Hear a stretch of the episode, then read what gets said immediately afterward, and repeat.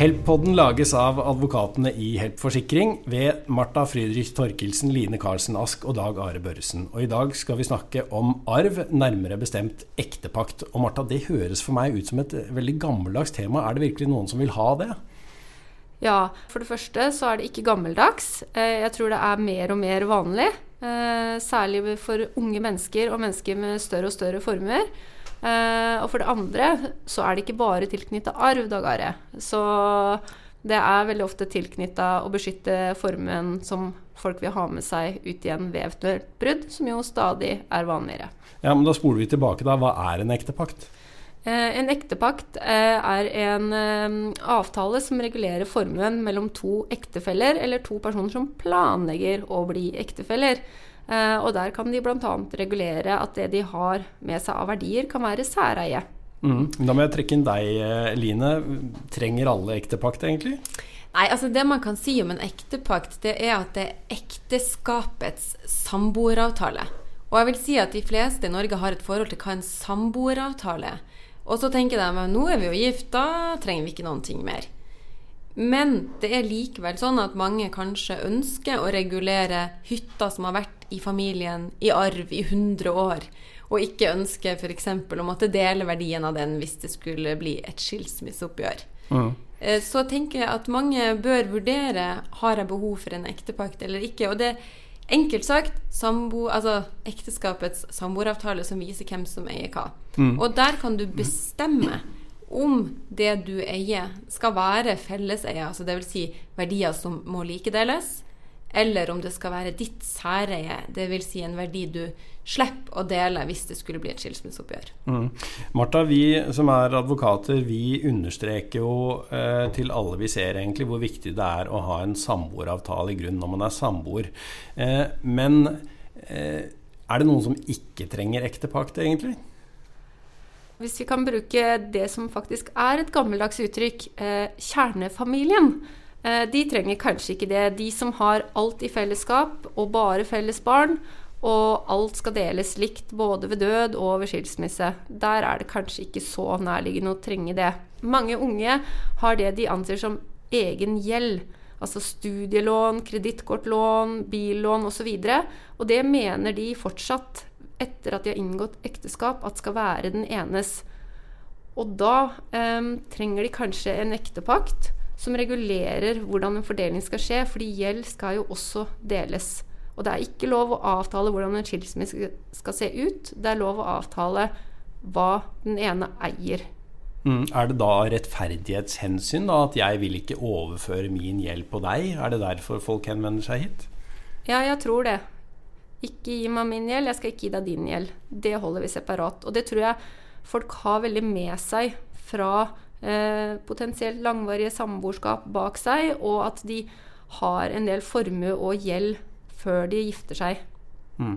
Eh, Linn, da må vi si litt om hva en ektepakt kan inneholde og ikke inneholde. Hva, er det noe man ikke kan avtale i en ektepakt? Ja, du kan ikke forhåndsavtale hva som skal skje hvis du skilles. Så det er ikke lov til å skrive at eh, dersom Per er utro, så skal jeg få alle verdier som vi eier ved en skilsmisse. Det kan du f.eks. ikke gjøre.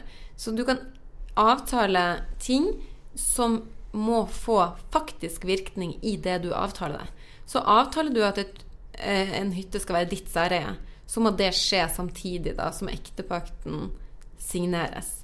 Men du kan ikke avtale at hvis vi går fra hverandre, så skal alt jeg har kjøpt for min lønn, være særeie. Men uh, hvis vi forblir gift, er det felles.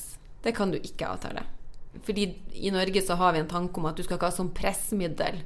At jo da, du har signert på at hvis du er en drittsekk, så skal jeg ha alt. Det er liksom litt tanken vi har her i Norge. Uh, at det ikke skal være mulig å gjøre. Mm. Men eh, det, kan man dele igjen de som henvender seg hit for å få en ektepar, kan man dele de inn i noen ulike grupper? Ja, den ene har vi jo snakka litt om. Det er jo da samboere som eh, skal etablere seg og ønsker å regulere økonomien mellom seg. Og skal gifte seg. Og skal gifte seg, ja. Eh, og den andre store gruppen som vi opplever, er eh, de som er litt eldre, og som kanskje har vært gift fra før, og kanskje har noen barn fra før. Uh, og de henvender seg ofte til oss egentlig med ønske om et testament. hvor de tror de kan bestemme ganske mye mer enn det de kan. Og der ser vi ofte at de kanskje trenger en ektepakt i tillegg. Og der er formålet å sikre enten gjenlevende ektefelle eller å minimere arven til eh, barn fra tidligere forhold. Det jeg kan legge til, er jo at eh, det kan jo anses som en litt sånn fiffig løsning. Men eh, det er ikke lov å avtale hva som skjer ved en eh, skilsmisse. Men man kan si at man har særeie på halve formuen, men ved død skal den anses som felleseie. Eh, sånn at det som kun er ditt mens du lever, kan anses med en halvpart som din gjenlevende ektefelle sitt. Og dermed så øker man formuen til gjenlevende. Og det blir mindre f.eks. i arv til barn. Uh, og alle tekniske detaljer rundt det, det trenger vi ikke å gjennomgå, men det er en mulighet, så man kan kontakte advokat for å undersøke nærmere. Og typisk de tilfellene hvor vi gjør det, det er når noen ringer oss og sier at jeg har lyst til at min kone Lise skal få mest mulig. Da gjør vi det sånn at Lise får mest mulig på det skilsmisseoppgjøret som vi må gjøre når noen dør. Der bruker vi ektepakten. Og så gir vi jo Lise mest mulig i arv. Altså vi øker ektefellearven fra en fjerdedel til en tredjedel på arveoppgjøret. Mm.